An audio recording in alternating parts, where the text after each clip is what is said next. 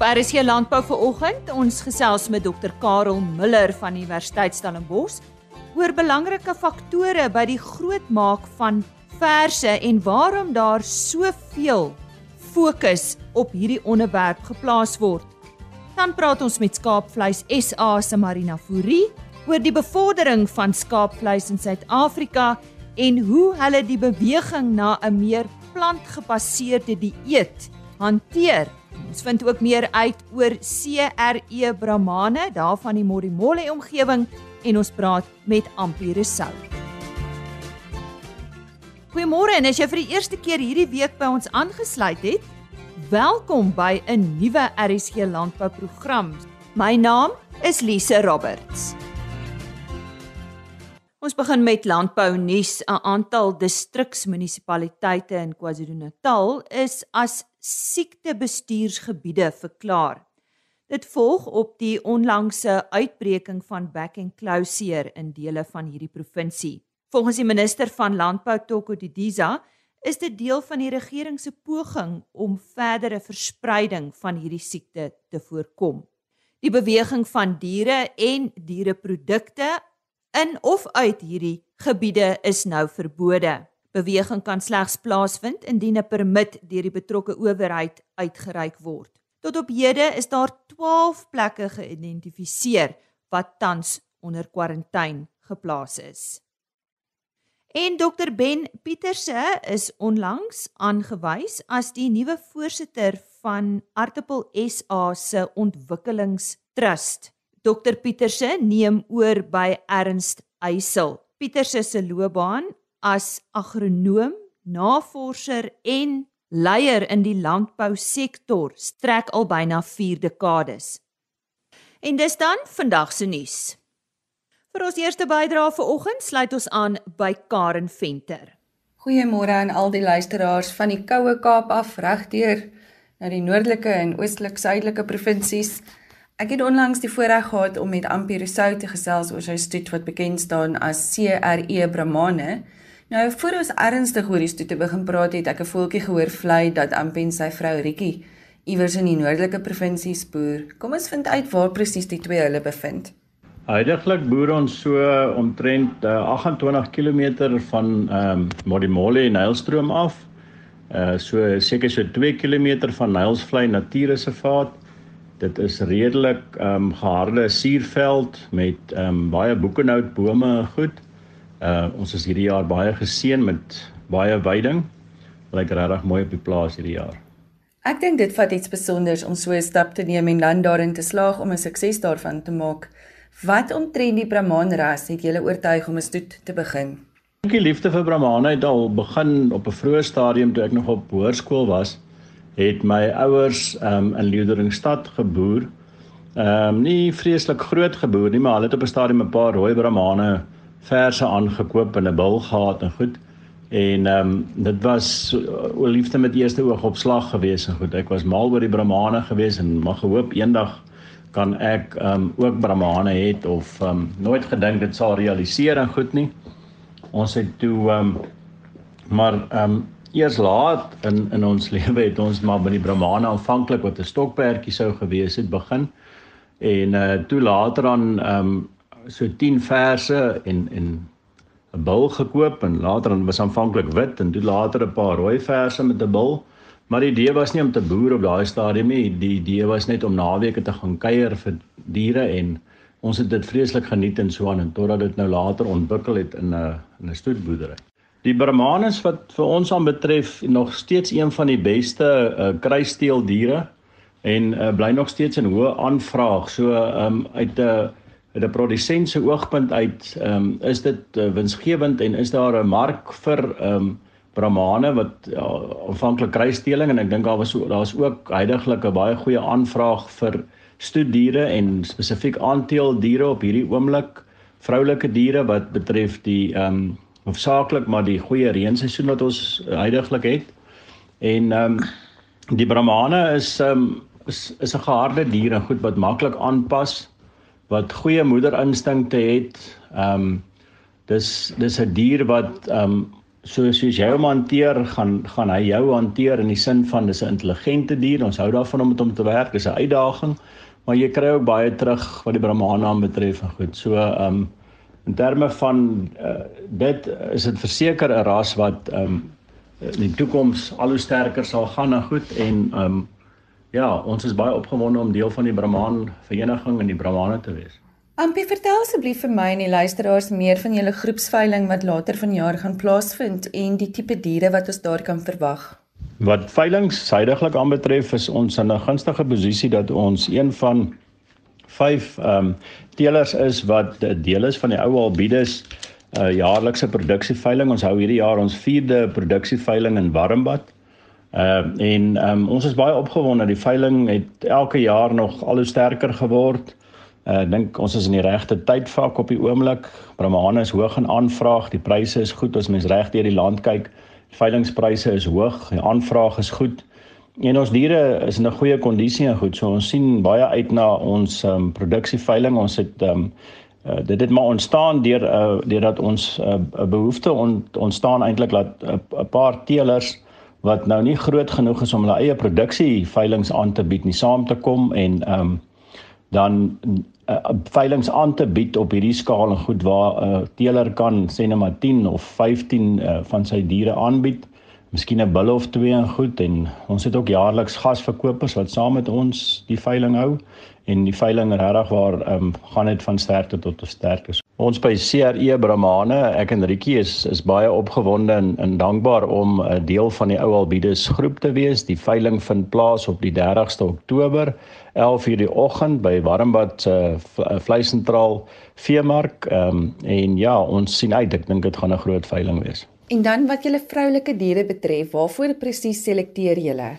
By CRE Brahmane is dit veral vir ons belangrik as ons kyk na ons vroulike diere dat ehm um, Die vroulike diere moet uh goed geteel wees, um uit goeie bloedlyne uit. Hulle moet um funksionele diere wees wat hoofsaaklik gaan die grootste eienskap vir ons is vrugbaarheid. Uh koeie moet vrugbaar wees wat jaarliks kalf en dan um moet hulle funksioneel wees in die sin van 'n goeie eier met spene hê. Um ons is vir ons baie belangrik om diere te teel wat goeie temperament het. Diere met goeie temperament is net makliker om te hanteer en ek dink die ou ehm um, dogma wat rondloop van Brahmane wat wild is en goed is is is nie meer so nie. As 'n mens met die diere werk, is intelligente diere, dan sal jy terugkry wat jy insit en goed, maar ehm um, wat die vroulike diere aanbetref, is dit basies die belangrike gedeeltes en dan uh, wat ons bulle aanbetref, die bulle moet gehard wees, hulle moet ehm um, goed kan stap, hulle moet ehm um, sterk ehm um, pote voor en agter hê, hulle moet ehm um, goeie uh, kering deurgegaan het. Met ander woorde, die hele spektrum waarna ons kyk is manlikheid. Ons kyk na bespiering op die bulle, ons kyk na 'n um, sprong van rib op daai bil, um, dra die bil genoeg vleis. Die hart van die saak is ons daar om vleis te teel in die bedryf. Ons kan dit nooit uit die oog uit verloor nie. Dan ehm um, die bulle se skedes moet goed wees. Ehm um, ons het lank terug baie gesukkel met dit. Ek dink is iets wat ons al baie goed reg gekry het binne in die ras om die skedes baie te verbeter binne in die ras en ehm um, want dit het vir gemaklik ook die bil se beweging en om seker te maak dat hy nie ehm um, skade optel wat sy skede aanbetref nie. Dis tog waar hy reproduseer en dit is baie belangrik. So bulle moet gehard wees en bulle moet aanpasbaar wees. Ehm um, bulle moet in uh, ons bulle word groot in 'n harde suurveld gebied. Hulle word in 'n randjierig klipprige gebied gewoond om um, te stap en, en daarom is hulle sterk en ek dink sover het ons dit reg gekry. En laastens, hoe gaan julle te werk met die toetsing van julle billetjies? Ons is heidaglik in 'n bevoordeelde posisie hier in die streek in die Bosveld streek om uh, betrokke te kan wees by uh Buffland uh, se toetsstasie hier in Annekaan naby om Spruit wat deur uh, Lucas X teen hulle bestuur word. Ehm um, ons as lede het so rondom 4 jaar terug begin om 'n paar billetjies vir toetsings in te stuur aanvanklik maar om te kyk of ons uh um, kan uh, agterkom wat ons voerinname en uh, dan nou die omset um, in gewig sal wees met voerinnames en goed. Maar dit het redelik vinnig ontwikkel in ehm um, redelike belangrike dataversameling vir ons waar ons dan ook nou heidaglik deur die Brahman Genootskap en die LNR en dan ook ehm um, die teelers in die streek ehm um, gerigsteen word en ondersteun word. Ehm um, heidaglik is die meeste van die Bosveld klub lede deel van hierdie toetsings en ehm um, word daar uh, jaarliks uh, lede bygevoeg, diere bygevoeg. Aanvanklik, so ek sê die 60 billetjies waar ons laas jaar al 'n uh, toets gehad het, 'n enkel toets, 'n fase D toets waar daar omtrent 152 bulle ingeskryf was. Wat dan tydens hierdie toetsings gebeur is daar word gekyk na die ehm um, uh voerinname, daar word uh, testesmetings gedoen, oogspier, heuphoogtes, ehm um, ensovoorts word gemeet tydens die ehm um, afsluiting na omtrent so 4 maande wat die billetjies in die toets was. Ehm um, dan word hulle ook fisies gekeer en na die fenotipe gekyk en ons klassifiseer hierdie bulle dan in 'n uh, A, B, C of D kategorie bulle wat um, beteken dat gewoonlik jou A en jou B bulle is jou beter bulle of jou stoet en uh, kommersiële bulle en jou C en D bulle sal dan gewoonlik jou uitskot bulle wees. Ehm um, die uh, die hele fase D en C toetsings het 'n uh, goeie gesonde uh, kompetisie tussen die die Bosveld klaplede laat ontstaan en ehm um, daar word ook jaarliks ehm um, en tydens hierdie afsluitings van die toetse pryse uitgedeel uh en ehm um, ons maak regtig 'n lekker saam kuier en 'n samehorigheid gevoel uh, onder die lede en goed dit het ons baie saam gebind. En ek dink die ou spreekwoord wat in Engels maar sê if you can't measure it you can't manage it is veral hier belangrik en uh, ons is verseker in die streek sal ons voortgaan met hierdie toetsings want ons het ongelooflike resultate al gekry. Nou ja, dit wil vir my voorkom asof 'n stokperdjie of 'n naweek kuiertjie op die plaas baie maklik in 'n volskaalse boerdery kan verander as 'n dier onder jou vel ingryp. Enige iemand wat graag met Ampie wil gesels oor hulle stoet CRE Brahmane kan hom gerus kontak by 083 273 6330. Die samesteller en aanbieder van daardie bydra was Karen Venter. Goed. Ons gesels vandag weer met Dr Karel Miller en nou as ons met hom praat, is dit maar gewoonlik suiwel sake en uh, vandag praat ons oor die belangrike faktore by die grootmaak van verse. Karel, Baie welkom weer eens by RSG Landbou. Waarom word daar soveel fokus op hierdie onderwerp geplaas? Uh, goeiemôre, liefe ja, en goeiemôre aan die luisteraars. Ja, dis 'n dis 'n onderwerp hierdie wat wat baie aandag kry die en dit is eenvoudig want die die verse wat jy groot maak vandag is die melkkoeie vir die toekoms. So hulle is naas jou melkkoeie die belangrikste diere in 'n melkkudde. So hulle bepaal ook die groei van jou koeie, van jou kudde in getalle en ook die genetiese vordering. So dis ook nie goed wat uh, wat 'n mens moet na kyk is die getalle vers in jou kudde en dan ook hulle genetiese meriete. En natuurlik die tweede ding is is die die groot maakkoste van vers. Dit is omtrent so 20% van die produksiekoste van 'n melkery. Ehm um, die koste kan nie vermy word nie.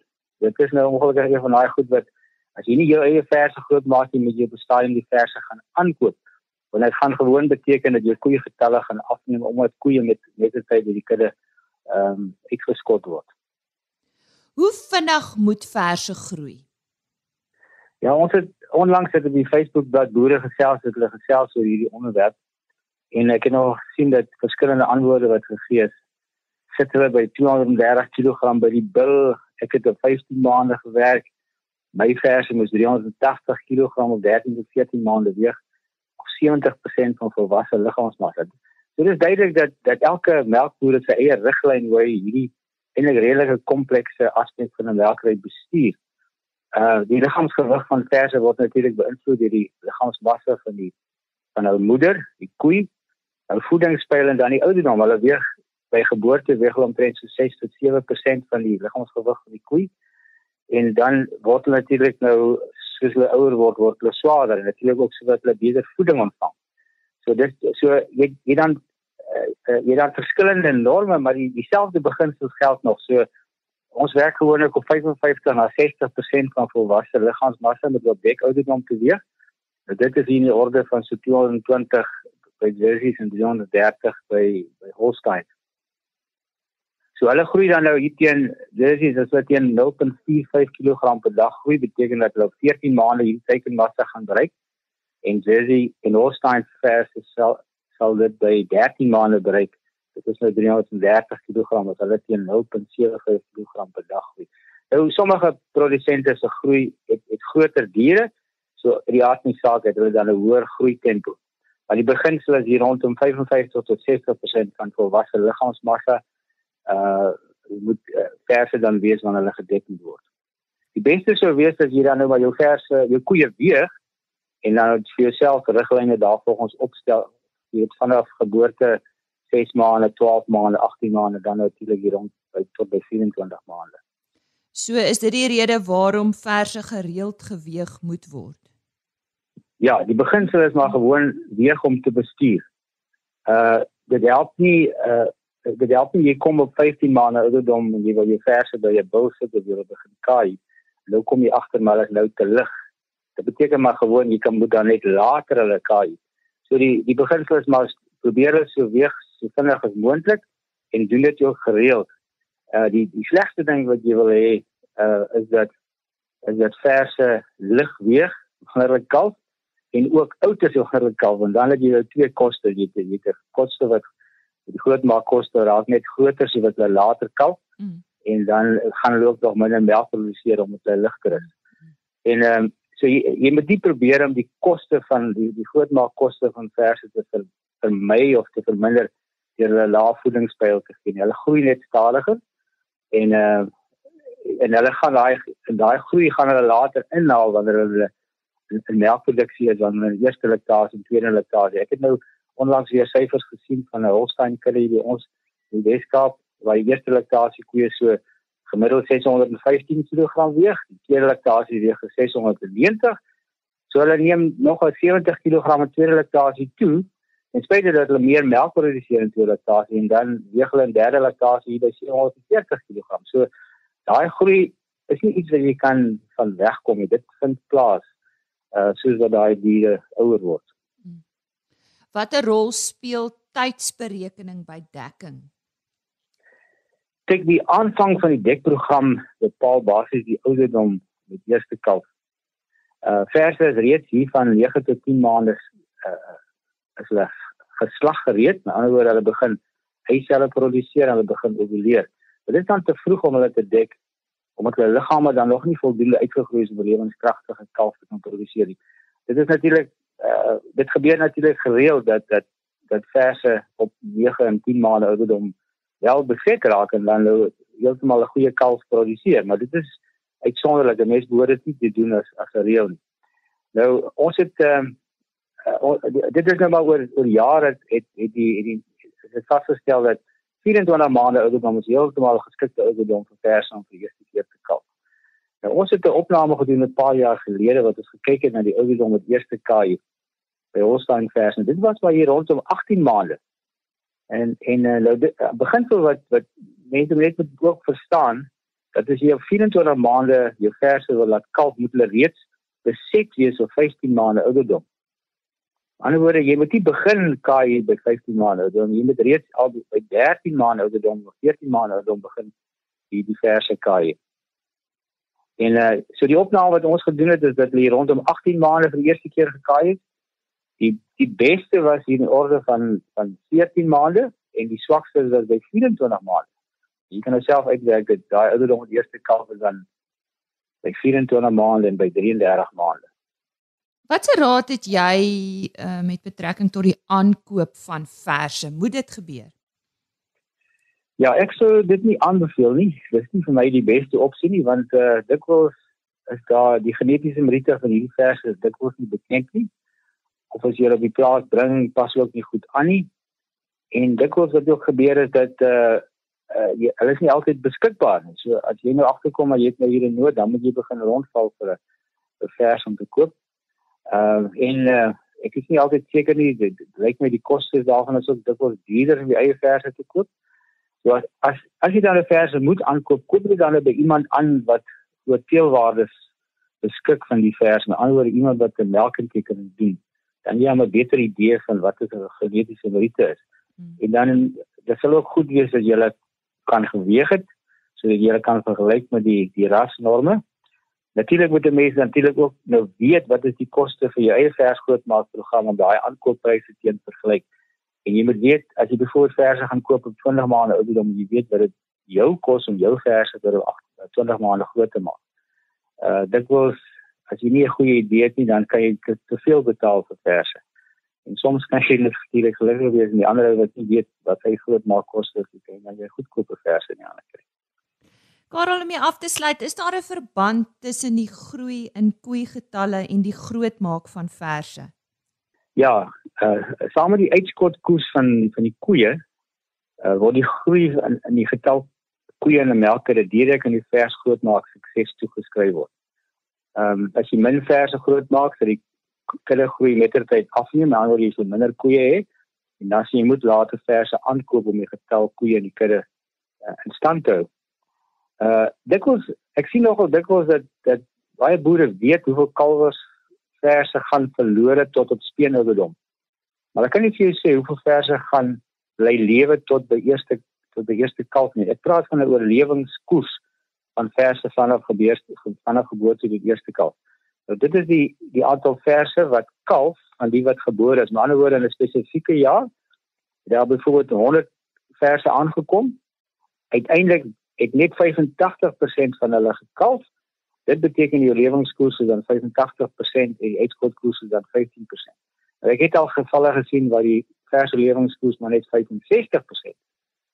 Dit beteken dat iewers langs die pad vanaf geboorte tot by tot die eerste kalf verloor jy vers en dit is nie noodwendig net rondom speenouderdom nie die daar vind tog al heel wat sekte rondom speenplaas of voor speenplaas en en maar wat wat dikwels gebeur is dat hierdie verse wat na 12 maande verlore gaan. Uh daarvan word nie altyd baie goed uh, kennis geneem nie. En die en natuurlik die ander ander ding wat 'n mens moet weet is jy weet waar aan die verse uitgeskot is sodat jy kan bestuur daarvoor.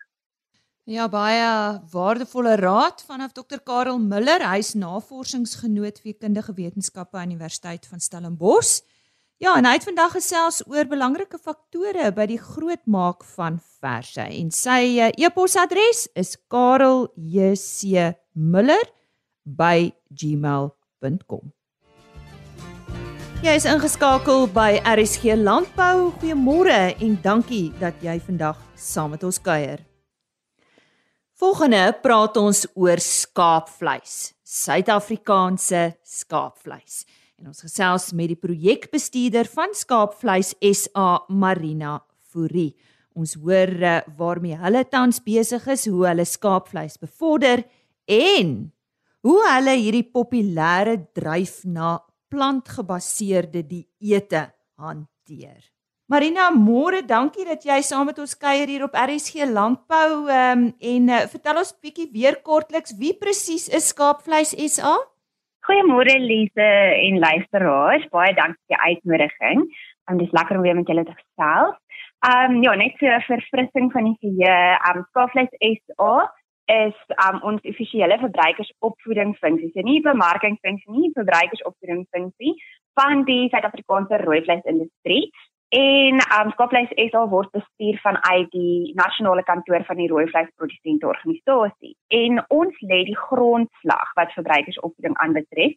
So dit is nou die voordele van skaapvleis en 'n gebalanseerde gesonde leefstyl, hoe om dit te verbruik, hoe om dit gaar te maak ensovoorts en daar is nuwe verbruikers wat hierdie mark betree elke dag. So um ons hou aan daardie grondslag lê onder hulle.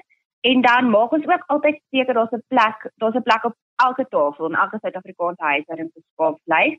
En um nog 'n ding wat ons baie passievol oor is, is om invloedryke rolspelers. So dit is die kostydskrifte, dit boeke, um kookboeke, um programme op TV, sosiale media, kospersoonlikhede en so aan ingelig te hou oor skaapvleis sodat ons seker is hulle bly ambassadeurs vir Suid-Afrikaanse skaapvleis. So dit is iets waar ons baie passievol is. Hoe beïnvloed die inperkings julle aktiwiteite en waarmee is julle tans besig? So ja, ons het ons self altyd daarin geroem dat ons op grondslagsfase betrokke is by verbruikers by um kosgeleenthede, skoue hierdie food shows, um wat baie prominent was in 2017, 18, 19 was ons baie betrokke daarbey en toe maak alles toe in 2020, soos wat ons weet.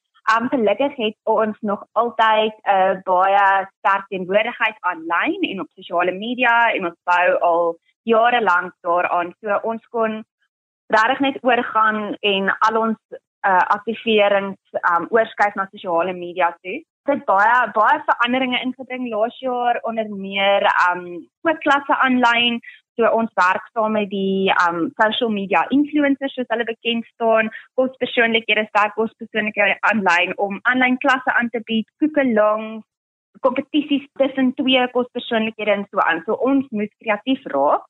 Ons maak ook seker dat Suid-Afrikaanse skaapvleis 'n teenwoordigheid het op die groot um kostydskrifte se webtuiste se digitale platforms soos Woolworths, the Taste Magazine.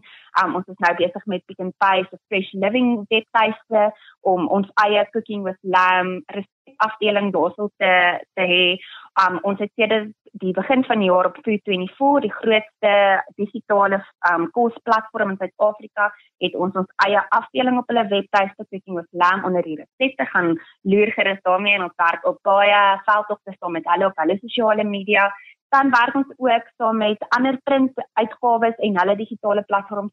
En iets waarop ons baie trots is wat ons hierdie jaar um, op Valentynsdag eintlik begin het is ons #sharingthelamblove veldtog. So hierdie veldtog is bedoel en um ons het soos ek sê hierdie jaar afgeskop vir chefs en individue in die kosbedryf wie se besighede bietjie van 'n knou gekry het um uit hierdie COVID-19 pandemie en ons wil ons wil hulle graag ondersteun. So ons borg hierdie um individue vir aanlyn kookklasse natuurlik met skoolplek en um ons kry ook altyd 'n uh, kospersoonlikheid, groot kospersoonlikheid om saam met hulle te kook onder andere Chef Danelle en die bekroonde kospersoonlikheid Lazy Makoti. So ons probeer bietjie hulle hulle besighede weer 'n ekstra hupstoot gee deur um hulle aanlyn aanlyn teenwoordigheid um te verbreek. Ook ander um spesifieke veldtogte togte soos wêreld eysterweek en ons doen altyd iets vir Vaders en Moedersdag en Paasfees en so aan. Hm, daar is heelwat waarna ons kan uitsien. Nou daai groot vraag waarna ek verwys het in die begin Marina, hoe hanteer julle tans hierdie populêre beweging na 'n plantgebaseerde leefstyl?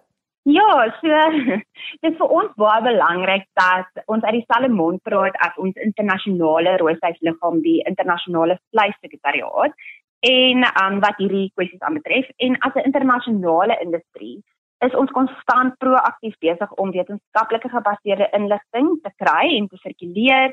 En ons hou steeds goed by stuk dat die rooivleisindustrie van kardinale belang is in terme van volhoubaarheid van die ekonomie, van die omgewing en van 'n gebalanseerde leefstyl. Um ons stem saam daarmee dat te veel rooivleis nie volhoubaar is nie en daarom lê ons ook baie klem op boodskappe rondom porsiegrootte, die regte porsiegrootte. Um spesifiek by skaapvleis SA versterk ons heeltyd die boodskap van Suid-Afrikaanse skape wat vrylik wy. Um ons ons stuur op baie boodskappe uit oor die biobeskikbaarheid van sekere nutriënte wat in vleis voorkom wat mens moeiliker uit plante of 'n plantgebaseerde dieet kry. So ons ehm um, sê nie vir mense dit slegte leefstyl nie, maar ons hou hulle ingelig oor die voordele van rooi vleis in die dieet. Marina, waar kan ons sien wat julle doen? Ons is baie bedrywig op sosiale media soos ek reeds genoem het. So ehm um, mense kan gaan kyk na ons Cooking with Lamb Instagram bladsy of ons Facebook bladsy Healthy Meat. Soos ek ook genoem het, is ons baie betrokke agter die skerms so ons ons name nie noodwendig altyd oral nie maar ons maak seker ons is betrokke agter die skerms so mense kan gerus uitkyk vir skaapvleis op daardie platform. Nou ja, daar het ons landbouers en ons verbruikers dit. Ons sê baie dankie aan uh, Marina Fourie. Sy is projekbestuurder van Skaapvleis SA en sy het ons bietjie meer vertel waarmee hulle tans besig is en hoe hulle ook skaapvleis bevorder in Suid-Afrika. Fluit fluit ons stories uit vir vandag en uh, onthou môreoggend weer by ons aan te sluit. Ons praat dan oor sojaboon kultivars en tegnologie met 'n uh, Corneil Lou van Graan Suid-Afrika en Koos van der Ruyst, voorsitter van die rooi vleisprodusente organisasie, gesels oor die rooi vleisbedryf in Suid-Afrika. Tot môre, totsiens. RSG Landbou is 'n plaas media produksie met regisseur en aanbieder Lize Roberts en tegniese ondersteuning deur Jolande Rooi.